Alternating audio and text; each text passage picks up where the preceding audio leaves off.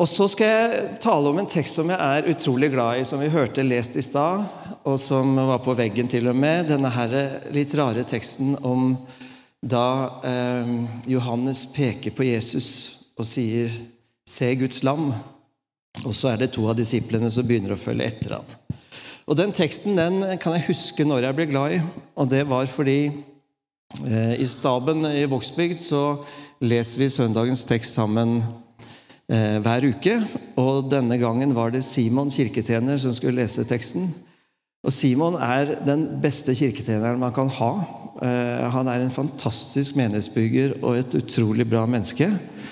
Eh, og det sier jeg også fordi jeg, vi gjør litt narr av han, fordi han er han er 100 kilo og er en liksom klisjé av en tyrker at han får bart i løpet av bare en time hvis han kommer nybarbert til søndag morgen. Så tar det en time, så er han svett og litt sliten, og så har han en skikkelig tjukk bart og masse skjegg. Det gror enormt på Simon. Så det å bli stengt inne i en heis for eksempel, sammen med han i mange timer, det ville jeg forsøkt å unngå, for da er jeg sikker på at det hadde vokst inni han på en eller annen måte. Og så har han en sånn deilig sånn litt sånn knekk. Han har bodd en stund i Norge, men han har en sånn herlig knekk. Så han leste sånn Eh, altså Jesus snudde seg og så at de fulgte han, og han sa, 'Hva leter dere etter?' De svarte, 'Rabbi, hvor du bor', svarte han. Og da husker jeg at det slo meg Det syns jeg var litt koselig at han leste sånn også.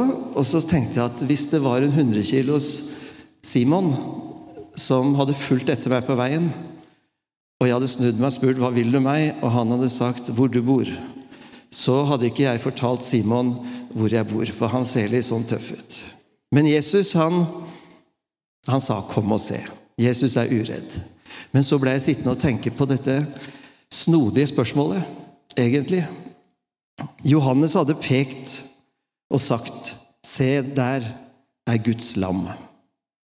Det er en svær teologisk setning. Den er innholdsfull. Hva er det med Guds lam? Hva betyr dette?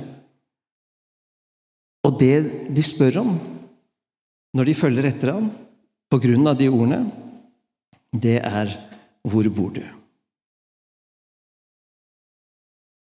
De lurer rett og slett på ikke så veldig mye om hva det vil si å være syndoffer, eller hva det vil si at Jesus er Guds lam, ofret for våre synder.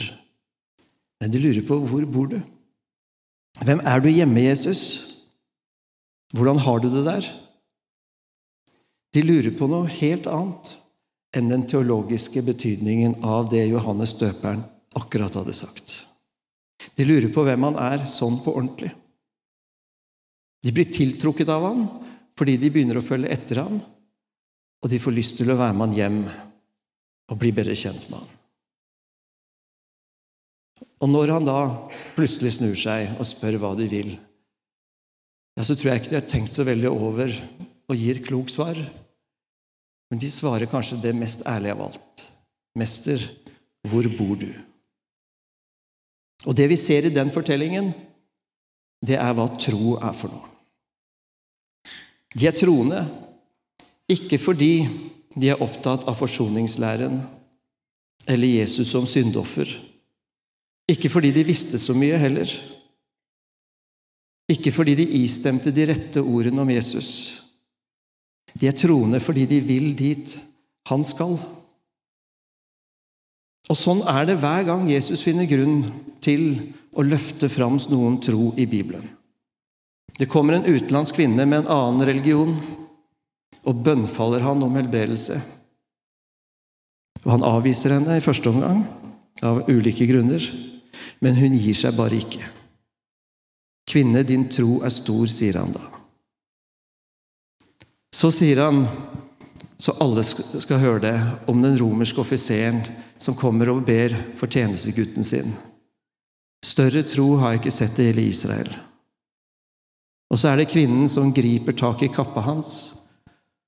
I all hemmelighet sniker seg innpå han bare for å røre ved ham. Din tro har frelst deg, sier han til henne. Nå tror jeg ikke Jesus gikk rundt med et sånn måleapparat for å sjekke troen til folk. Og disiplene de fikk som regel høre at de hadde liten tro eller ingen tro. Han deler litt urettferdig ut disse tilbakemeldingene. Men han er konsekvent på at tro ikke har noe med hvordan man tenker om ting. Heller ikke om noen overbevisning. Mer om en desperasjon, kanskje. Eller det å gripe tak i han, ønsket om å vite hvem han egentlig er. Hvor bor du? Og det er ganske annerledes enn tro ofte oppfattes i vår tid. I vår tid så har det ofte blitt synonymt med å holde noe for sant eller anta noe, som at det blir fint vær i morgen, mene noe, beskrivelse av et ståsted. Og Jeg får f.eks. spørsmålet av og til tror du på djevelen. Og Da svarer jeg alltid nei. Fordi det forteller meg at dette ordet tro har blitt fullstendig ødelagt når man kan bruke det samme på en tro på djevelen og en tro på Jesus.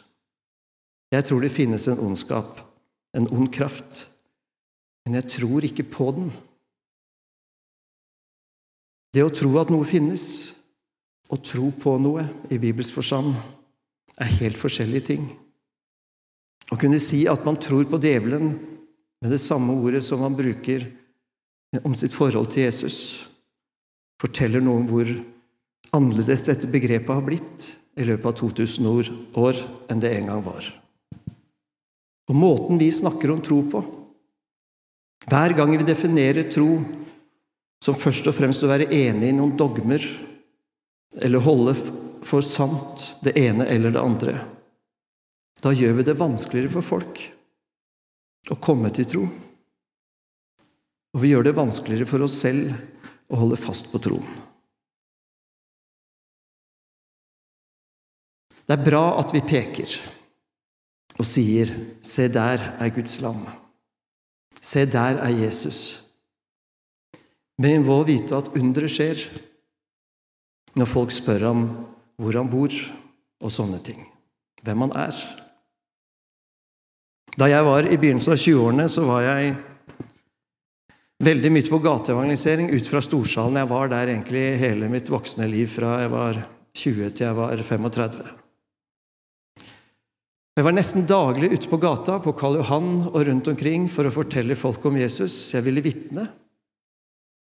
Men først og fremst så dreiv jeg nok med og forsøkte å overbevise folk. Og uten særlig hell også, må jeg innrømme. Bunnpunktet syns jeg var nådd da jeg gikk rundt med en sånn plakat, for det gjorde vi på den tiden, sånn sandwich-plakat, hvor det sto 'Jesus er Herre' med en R. Fordi han som skrev 'Penis Tormod, han hadde dysleksi. Jeg fikk ikke noe særlig med meg på det, men det var en veldig viktig læring av meg. Og Flere år seinere ble jeg prest i Vågsbygd. Og I løpet av 15 år der i Vågsbygd så har jeg sett flere titalls med mennesker bevege seg inn i kirken. og som til og med har sagt at det, det har definert seg som noe helt annet enn å være kristen. Som nå går jevnlig på gudstjenester og går til nattvær. Jeg vet ikke hva de kaller seg nå, egentlig, fordi jeg spør dem ikke. Og de har ikke gått gjennom en tårevåt omvendelse, så vidt jeg har sett.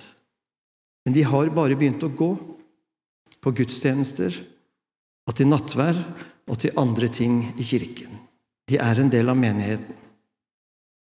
Jeg spør dem ikke hvorfor, men jeg tenker det har noe med Jesus å gjøre. Han har influert dem. Og en av disse døde nettopp. Han var en del i kirken, og han hadde en kone som var frommere enn han, som nok dro han med dit. Men han gikk på alfakurs, og han var veldig mye uenig i veldig mange ting. Men han reiste seg opp sammen med menigheten når vi skulle si trosbekjennelsen, og han sa til meg en gang at 'jeg tror ikke på noen oppstandelse fra det døde'. Og så var jeg hos han for noen uker siden da han lå ved dødsleiet. Og så gjentok han det enda en gang. Han trodde ikke på noen oppstandelse, men han ønska at presten skulle komme. Han ønska at jeg skulle be for ham og velsigne ham. Det var umulig for han å tro på det. Og etter å ha snakka litt om det nok en gang, så sa jeg til han, jeg er redd du må belage deg på det likevel. For Gud vil, og han bryr seg nok ikke om hva du tror eller ikke tror om akkurat det. Så jeg håper ikke du slår deg vrang hvis det viser seg at det er en oppstandelse. Og da lå, lå den gamle, veldig syke mannen og smilte til meg. Som om han sa, 'Ja visst gjør jeg det'. Denne mannen hadde et forhold til Jesus. Han var en av de som fulgte etter og lurte på hvor han bor hen, hvem han er. Og det var så utrolig meningsfylt å kunne lyse velsignelsen over ham og be Fader vår over hans sitt liv og holde begravelsen hans. For jeg er prest, og det er du også, hver eneste en av dere. Vi er prester for en uendelig tiltrekningskraft. Bare kjenn på hvordan Paulus fryder seg da han skriver i Romerne 8. Jeg er viss på at verken død eller liv, verken engler eller krefter, verken det som nå er eller det som kommer, eller noen makt, verken det som er i det høye eller i det dype, eller noen annen skapning, skal kunne skille oss fra Guds kjærlighet i Jesus Kristus, vår Herre. Vi er prester for en uendelig tiltrekningskraft, som har denne evnen at han kan få mennesker til å følge etter. Akkurat som jeg så hos denne gamle vennen. Med hjertet tror vi, skriver Paulus. Og hva er hjertet for jøden Paulus? Jo, det er der livet går ut fra. Det er det som pumper liv i hele kroppen, som får bein og armer til å bevege seg. Men vi har gjort troen til en meningsmåling som handler om en haug med ting man tror på og ikke tror på, og man helst bør si krysse av riktig på disse spørsmålene. Noen bestemmer seg for å tenke. Jeg tenker meg at det finnes en Gud, et liv etter døden og sånn. Og jeg er også enig i sånne påstander om at Jesus ble født av en jomfru, at han gikk på vannet, at han helbredet mennesker, at han sto opp fra det døde. Men det er ikke derfor jeg kaller meg kristen eller troende. Det er noe annet. Likevel så gjør vi ofte det å tro på sånne påstander og være enig i dem til en definisjon av hva som er kristen. Og det synes jeg er synd. For Kirken, Frikirken, Norske kirke, alle kirker, den kristne kirke, er i bunn og grunn en kritisk bevegelse og har alltid vært det. Tenk deg Thomas, apostelen. Han kunne ikke tro at Jesus hadde stått opp fra det døde. Men det var ikke Jesus han ikke trodde på. Det var vennene han ikke trodde på. Det var de som sa det, at Jesus hadde stått opp fra døde. Akkurat som mange mennesker ikke tror på meg eller deg så kan det hende likevel at de blir tiltrukket av denne personen Jesus. At de blir glad i ham. Og det er faktisk klokt når noen sier at de har sett en død mann gå på gata. Så er nok det klokeste er å la være å tro på dem, sånn som Thomas gjorde. Det er ikke normalt at folk gjør det. Det var noe helt spesielt som skjedde.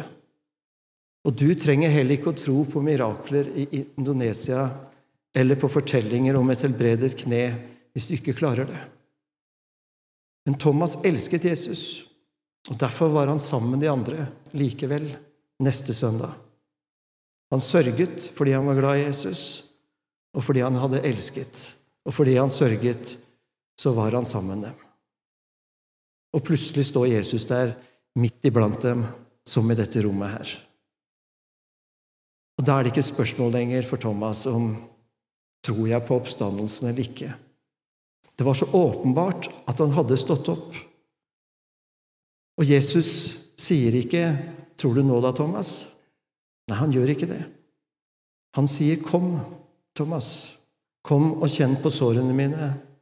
Vær ikke vantro, men troende.' Og hva er det spørsmålet om, egentlig? Hvordan kan Thomas vise vantro?